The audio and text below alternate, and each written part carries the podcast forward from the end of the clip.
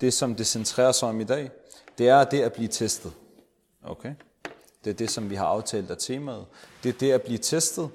Og måden, som jeg kommer til at snakke om det på, det er med fokus på en test, jeg selv har, jeg selv har været igennem. Først og fremmest så spørger vi Allah subhanahu wa ta'ala om, at han vejleder os til det, som han elsker. Vi spørger Allah subhanahu wa ta'ala om, at han renser vores hjerter fra alt, hvad der ikke behærer ham. Vi spørger Allah subhanahu wa ta'ala om, at han åbner vores hjerter til vejledning. Vi spørger Allah subhanahu wa ta'ala, som er al-shakur, om at han belønner os for vores tilstedeværelse. Vi spørger Allah subhanahu wa ta'ala, som er al-hadi, om at han vejleder os. Vi spørger Allah subhanahu wa ta'ala, som er al-hami, om at han beskytter os. Vi spørger Allah subhanahu wa ta'ala, som er al-karim, om at han velsigner os, og han giver os nobel belønning.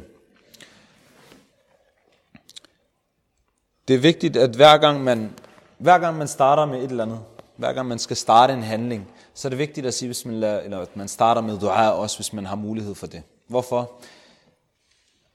Mange af jer forventer jeg går til en eller anden form for sport, eller bevæger sig, eller lignende. Jeg har selv spillet fodbold i mange år. Det er, det er et par knæ siden, som man siger. Det er, noget, det er noget tid siden, jeg selv har rørt en bold. Men en fælles ting for alle de træner, jeg har haft, det er, at når vi kommer ud, og vi har snøret støvlerne, det første vi gør, det er, at vi vil sparke til bolden. Vi vil bare gerne i gang. Folk begynder at sparke langskud. Søstrene måske kan ikke relatere så meget til, til det her.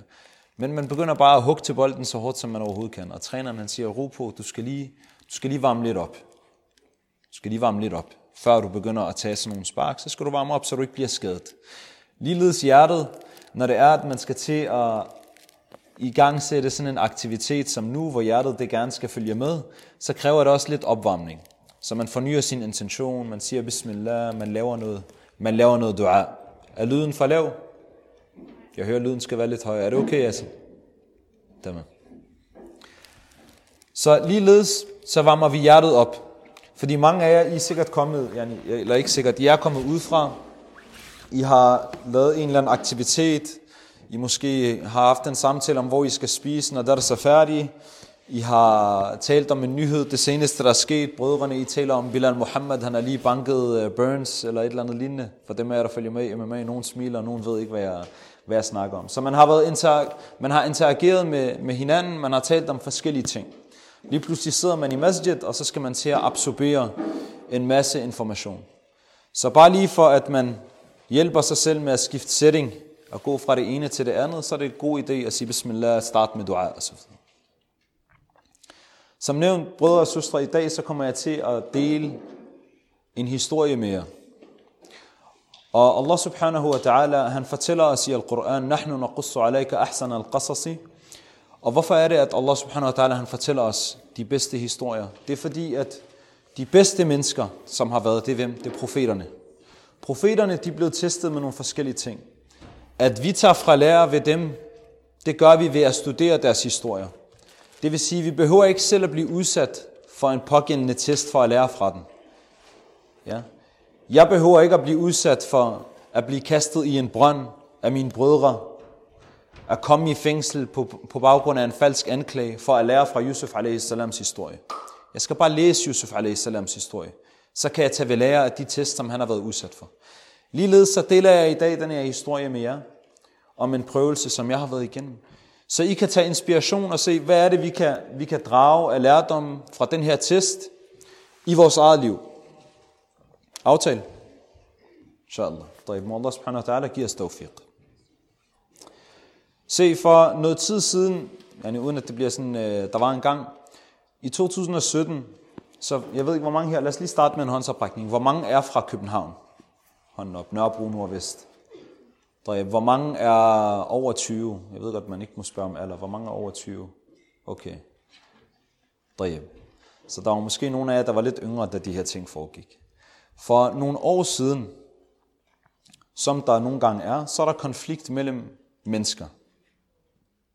Nogle gange endda muslimer. I det her tilfælde muslimer. Der var konflikt mellem muslimer, to bander. Ja. En bande, der kalder sig selv brothers, yani det, det, det gør de, fordi de skal vise, de er tætte brødre. Og en bande, der hedder Loyal to familie, det er fordi, de skal vise, de er loyale til deres familie. MashaAllah. Smukke, smukke navne. Så der var en konflikt mellem de her to grupperinger. Og det, som de havde konflikt over, det er noget, som vi, alhamdulillah, ikke er involveret i. Og vi spørger Allah subhanahu wa ta'ala om, at vi aldrig bliver testet med det. Den her konflikt, den forårsagede rigtig mange forskellige skudepisoder på Nørrebro, Nordvest. Jeg ved ikke, om nogen af jer kan huske det. I 2017. Rigtig mange forskellige skudepisoder. Mange blev ramt, nogen blev dræbt. Det var en ret, ret dårlig tid faktisk.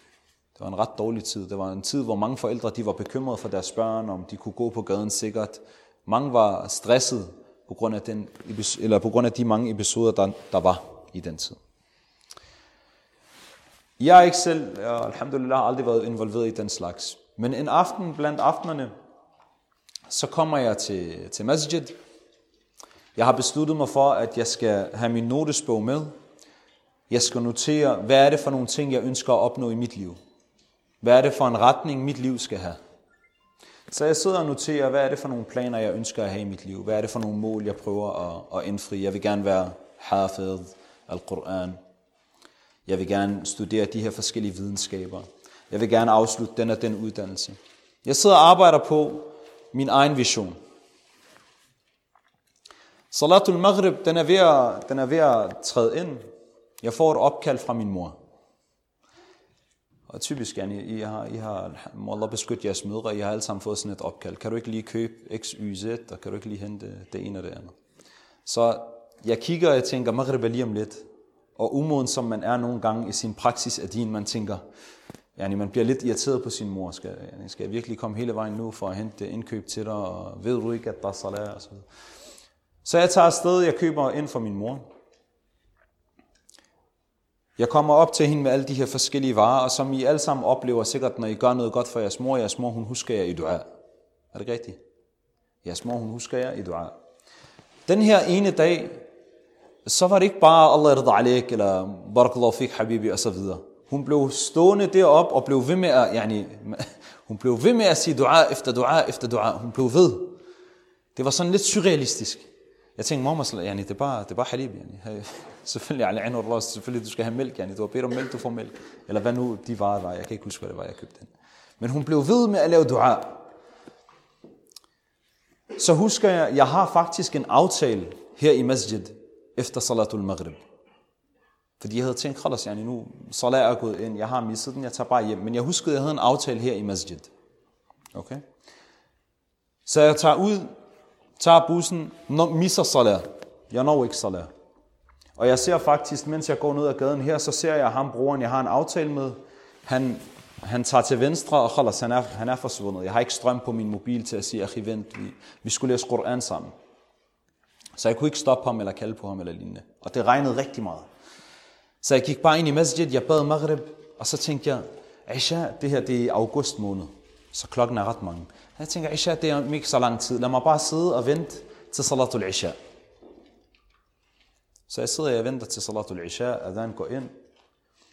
Efter salat, så kigger jeg herover, så får jeg øje på en af mine meget tætte venner. En af mine meget tætte venner. Han havde været ude at rejse på min opfordring. Han havde overvejet at tage på sådan en Europatur, så sagde jeg, hvorfor skal, Jani, hvad skal du på den her Europatur? I stedet så tage ned og besøge vores sheikh, så kan du være i praktik hos ham i løbet af sommerferien. Jani, så kan du udnytte din tid på den måde. Han tænkte, det var en god idé, så han tog ned. Han kommer tilbage, jeg får øje på ham, jeg tænker, vi skal, vi skal snakke sammen om din tur. Jeg har meget, jeg er interesseret i at høre om. Hvad har du lavet på turen? Hvad har du lært? Hvad har I lavet? Så jeg fanger ham, og vi snakker, og vi, jeg, jeg foreslår for ham, at vi skal gå vores sædvanlige rute mod vores hjem. Han er ikke så meget for det. Han tænker, Adel, yani, der er mange skyderier. Lad os, lad os bare holde lidt lav profil. Han, han prøver at undgå, at vi skal tage på den her tur. Så siger jeg til ham, Allah tilgive mig. Jeg siger til ham, vi har bedt Isha i masjid. Hvis I ved det her, bed Isha i masjid. Den, der beder Isha i masjid, det er som om, han har bedt halvdelen af natten. Vidste I det? Ham, der beder salatul Isha i masjid, det er ligesom, at man har bedt halvdelen af natten. Det vil sige, hvis I beder salatul Isha i masjid i dag, fra kl. 22.33 og så indtil midtpunktet mellem det og fajr. Det svarer til, at I har bedt alt den tid. Og ham, der beder fajr i masjid, det er den anden halvdel, han beder. Så jeg sagde til ham, vi har lige bedt isha i masjid. Det vil sige, lige nu er vi i. Efter vi har bedt den på vej hjem, vi er i. Og vi har også niyya om at bede fajr i masjid. Så hvis der sker os noget, inshallah, yani, vi shuhada, hvis der sker os noget. Ja. Han tænkte, nok rigtig godt argument, Adel. Så vi tog afsted. Og så gik vi ned her af, gaden og ned mod Frederikssundsvej, ned af Nørrebrogade. Der er en søster, der retter mig, hun siger Frederiksborgvej. op på den her. Ja, jeg er ikke, ikke hængt der fast i detaljer. Det her, det er... Faktisk, der er en historie om en, om, om, om en mor.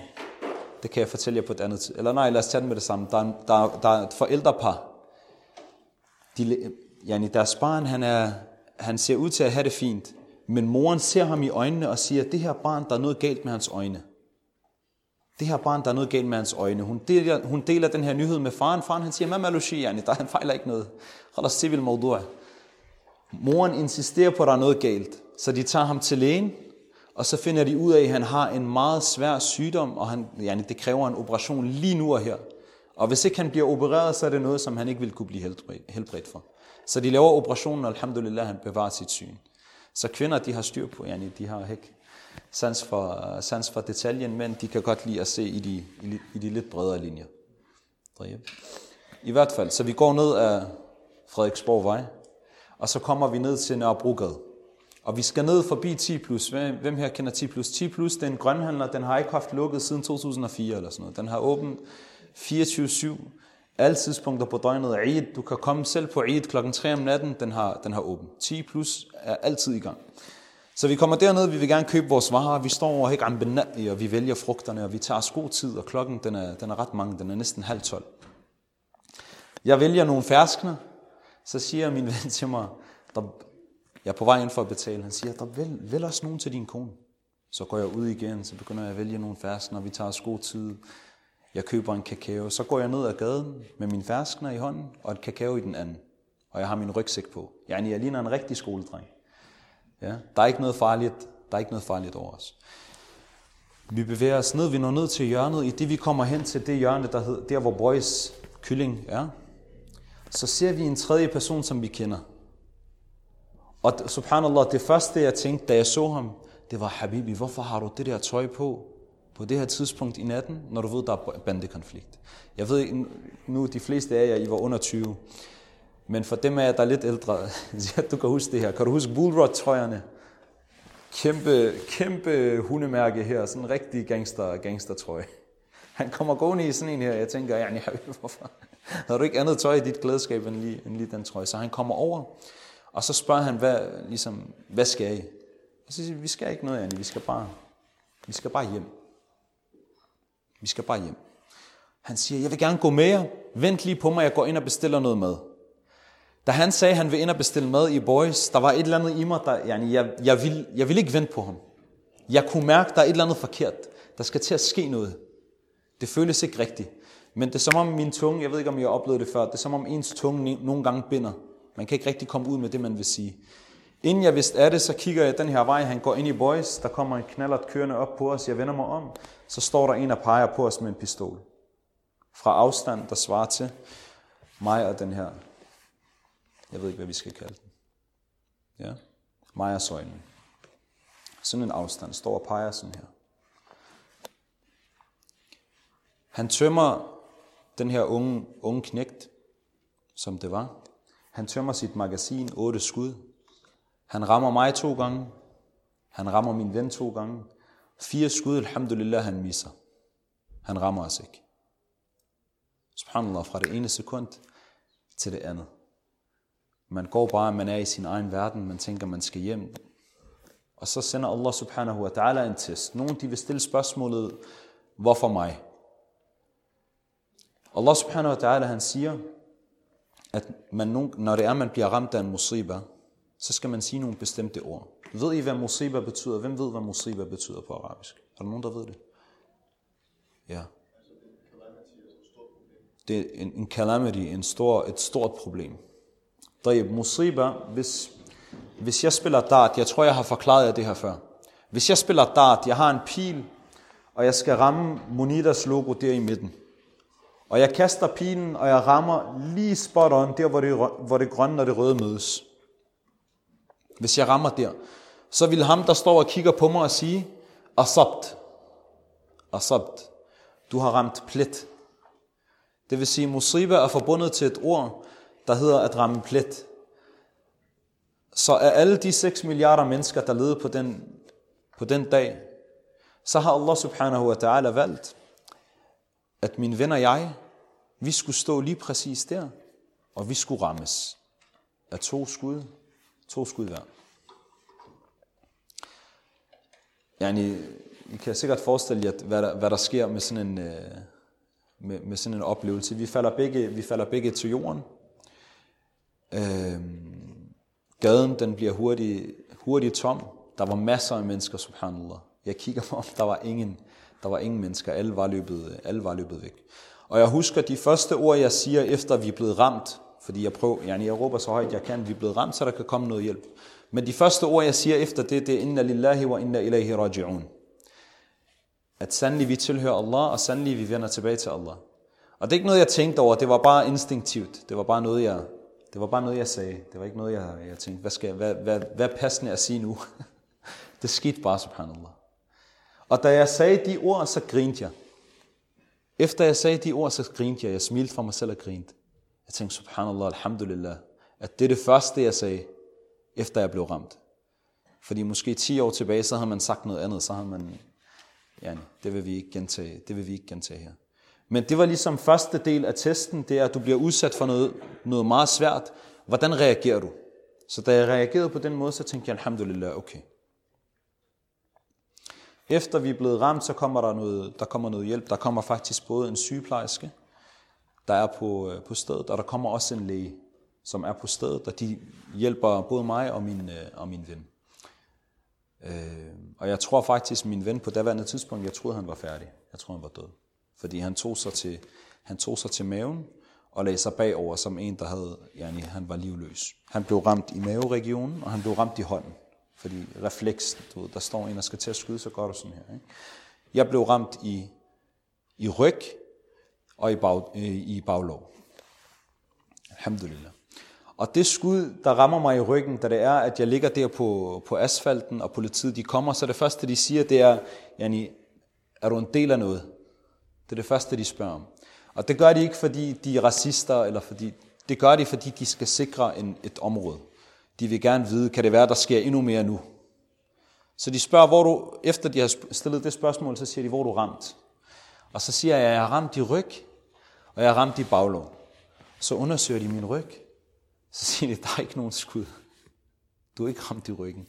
Så tænker jeg, det kan være, at jeg bare fantaserer et eller andet, et eller andet lige nu. Og så, yani, jeg tænkte ikke yderligere over det, men der var ikke noget skud i min, øh, Janne, der var ikke nogen sår på min, øh, på min ryg. Det kan vi vende tilbage til, til senere, hvad var. I hvert fald, vi bliver bragt på hospitalet. Da det var, at jeg, jeg møder min mor, og jeg møder nogle af vores øh, familiemedlemmer, så lærer jeg, at en af vores khaldorer, hun havde været hjemme hos, vores, hos min mor. Og hun siger, omkring det tidspunkt, jeg bliver skudt, så har min mor bare gået væk fra forsamlingen. Hun har gæster, hun har gået væk fra forsamlingen, så har hun sat sig ned, og så har hun lavet rigtig meget dua. Altså, vi har ingen kontakt. Min mor og jeg har ingen kontakt. Min telefon er gået ud Osland. Jeg har ikke batteri på min telefon. Men instinktivt, der var bare et eller andet ved det der klokkeslæt. Hun har siddet ned på sin knæ, og så har hun lavet dua.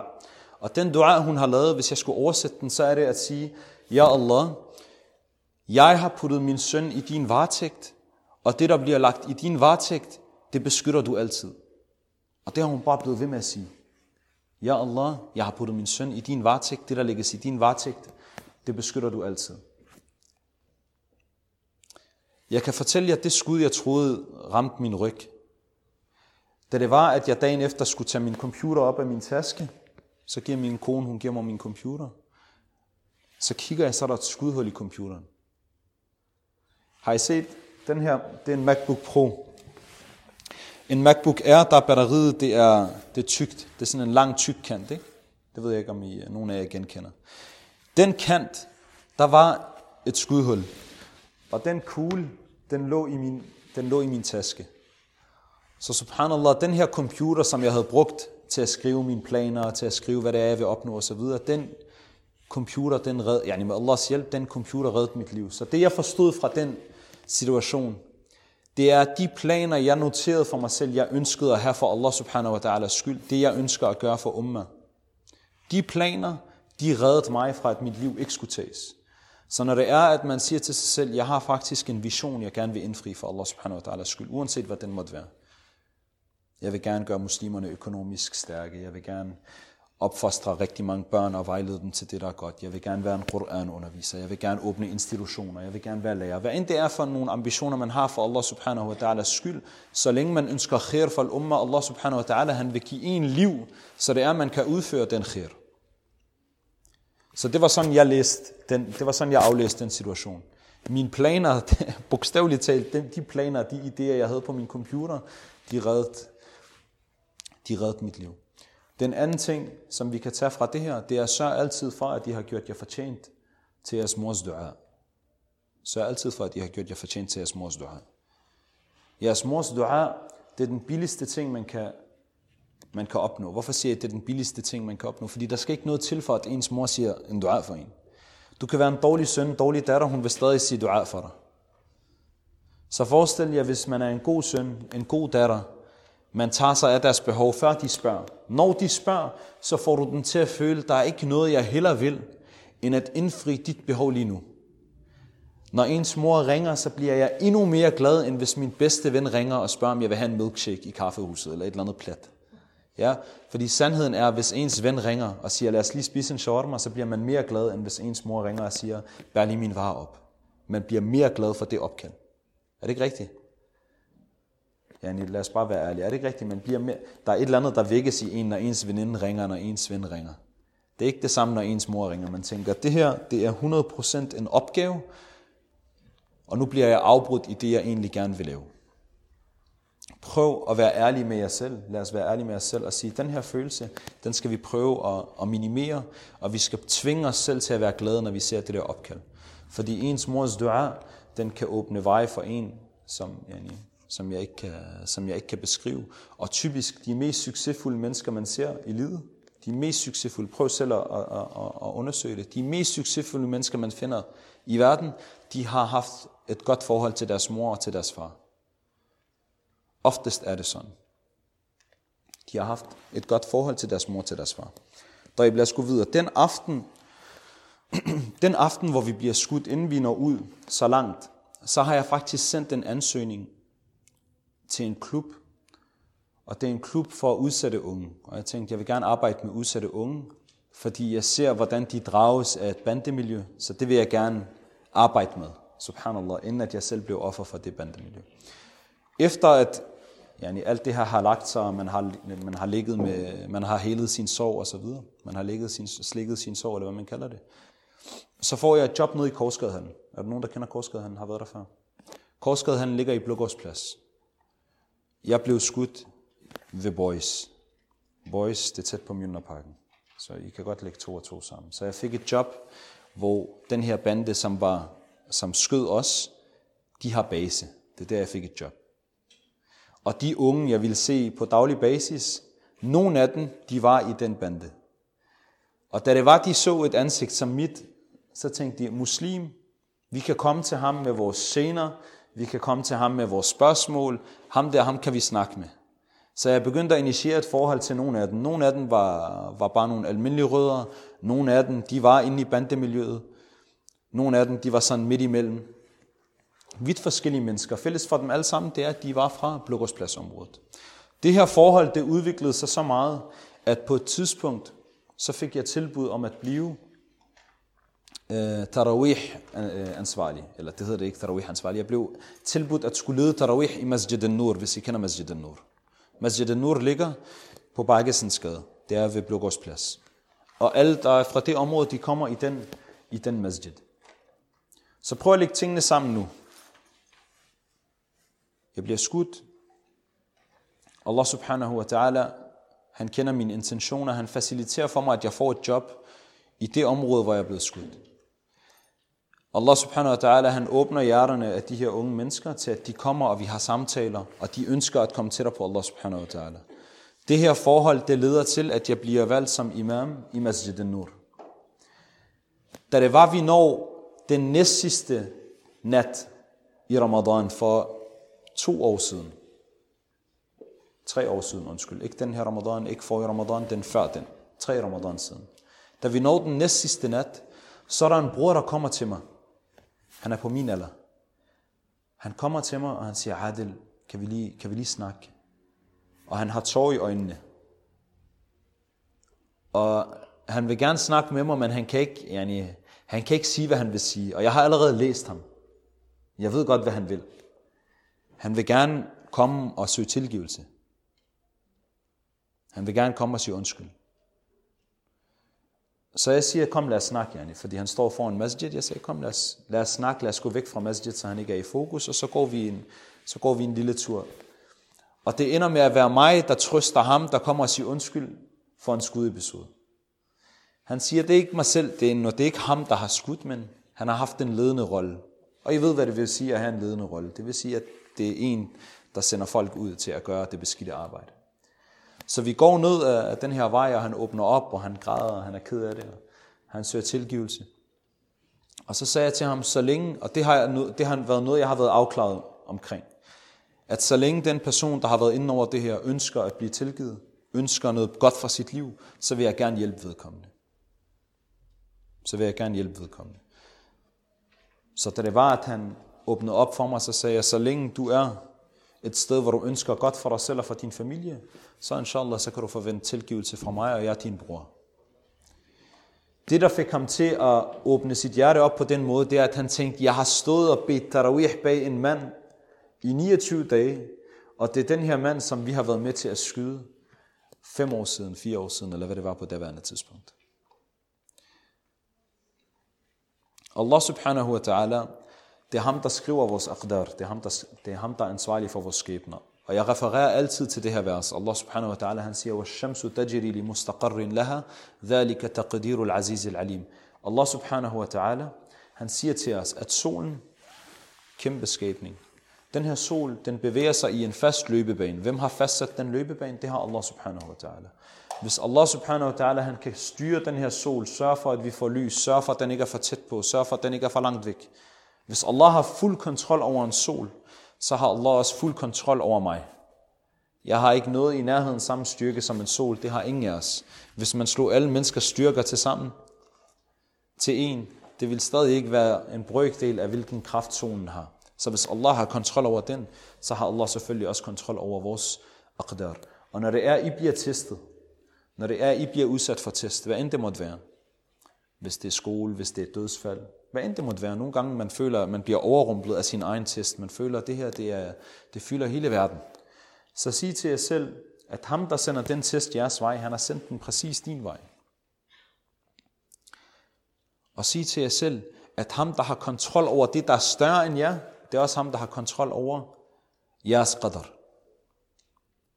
Det her område nu, Masjid al-Nur, før i tiden, så var der ikke nogen, der læste Koran der. Det er sådan et overstatement måske. Men blandt de unge, der var ikke nogen af dem, der, der sådan kunne finde ud af at læse Koran. Hvis der var nogen, der kunne finde ud af at læse Koran, så er det måske fordi, de kunne små bidder fra den gang, de var meget unge. Men der var ikke noget Koranundervisning, der var ikke noget Koran-tilbud, der var ikke nogen, der var tæt på Al-Quran. Jeg havde en interesse i at undervise Al-Quran, og det gjorde jeg allerede her i masjid, her i Waqf. Den her episode, slutproduktet var, at jeg blev imam i den masjid, da vi åbnede sammen en Koranskole, hvor nogle af de tidligere bandemedlemmer, de i dag kommer og lærer Al-Quran. Og vi har haft over 300 elever bare siden april 21. Så Allah subhanahu wa ta'ala, han sender nogle gange noget meget ubehageligt i jeres vej. Og det er, yani, det er ubehageligt at blive skudt. Det gør ondt, det siger sig selv. Men også den ubehag, det har for ens familie, at skulle ringe til sin, yani, i ved, hvordan mennesker er nu til dags. Hvis de ser en katastrofe foran sig, de tager, de tager en video af dig, før de spørger, om du skal, du skal have hjælp. Så der florerede videoer af os dengang allerede.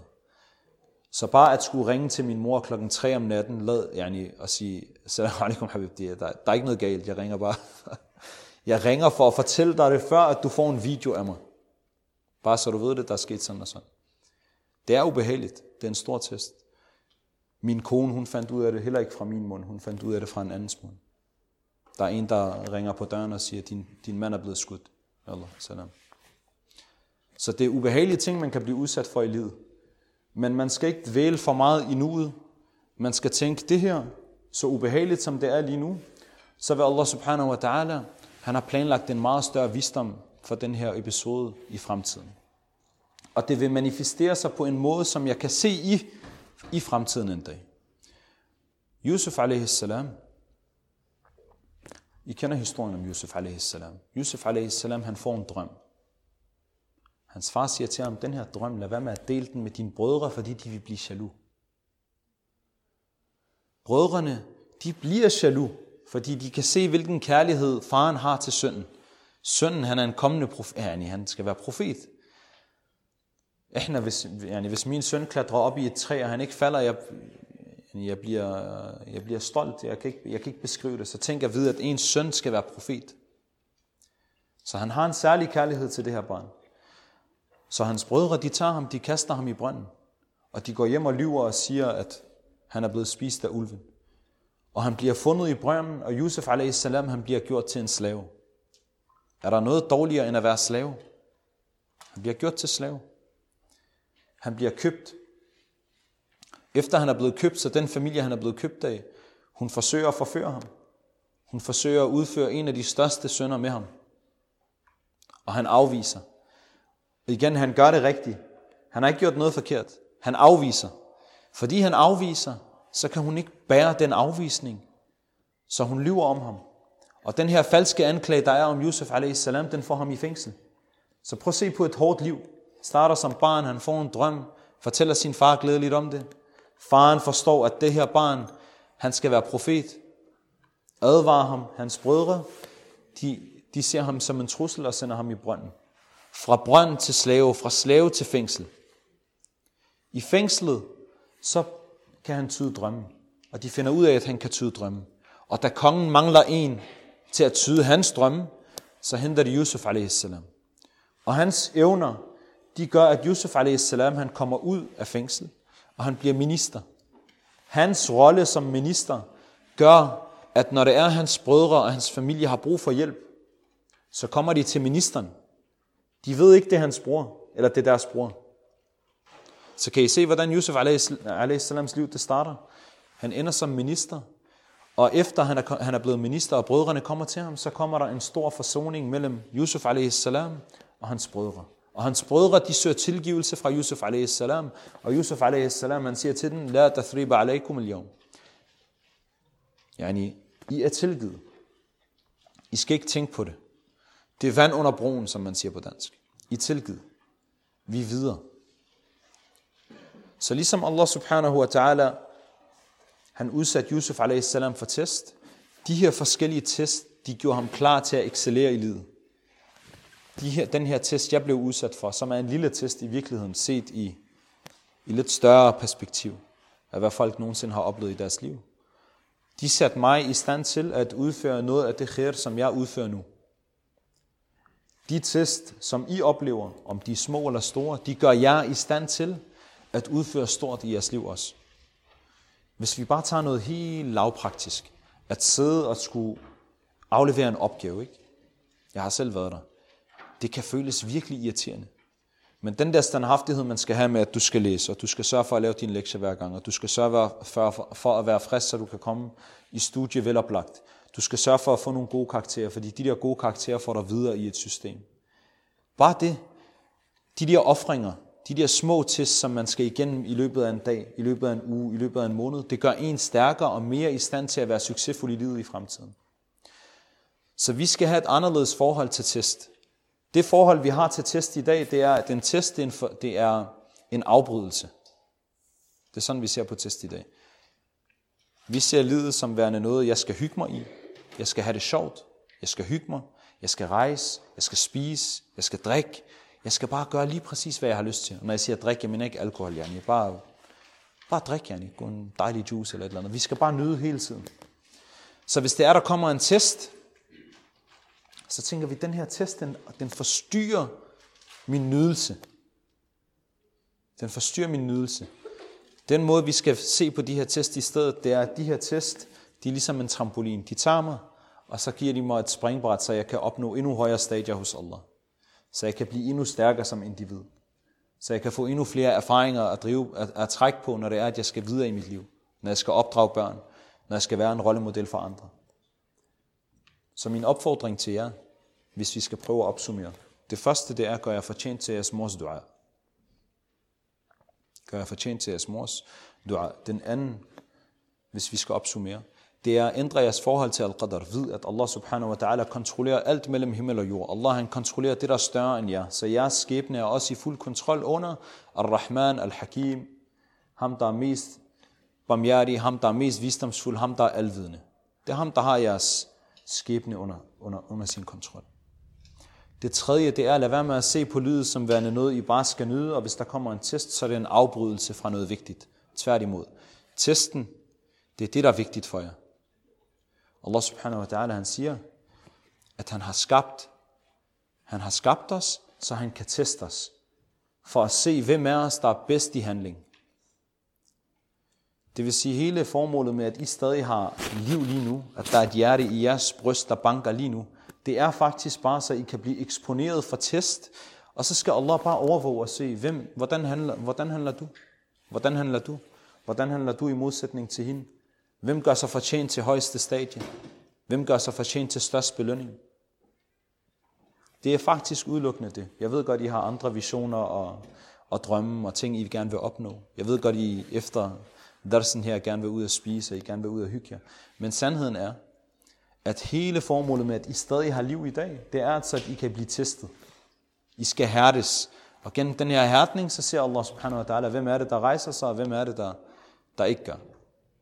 Hvem falder på bagbenene og kan ikke komme over, at man er blevet testet? Hvem siger, hvorfor mig? Og hvem siger, nej, alhamdulillah, det skulle være mig. Jeg kunne ikke have været kommet udenom det. Og vokser sig til at være endnu større, end det man er blevet. Jeg lovede jer, at vi ville slutte lidt, øh, lidt tidligere i dag. Ja. Hvis der er nogen af jer, der har spørgsmål, så er I velkomne til at stille spørgsmål.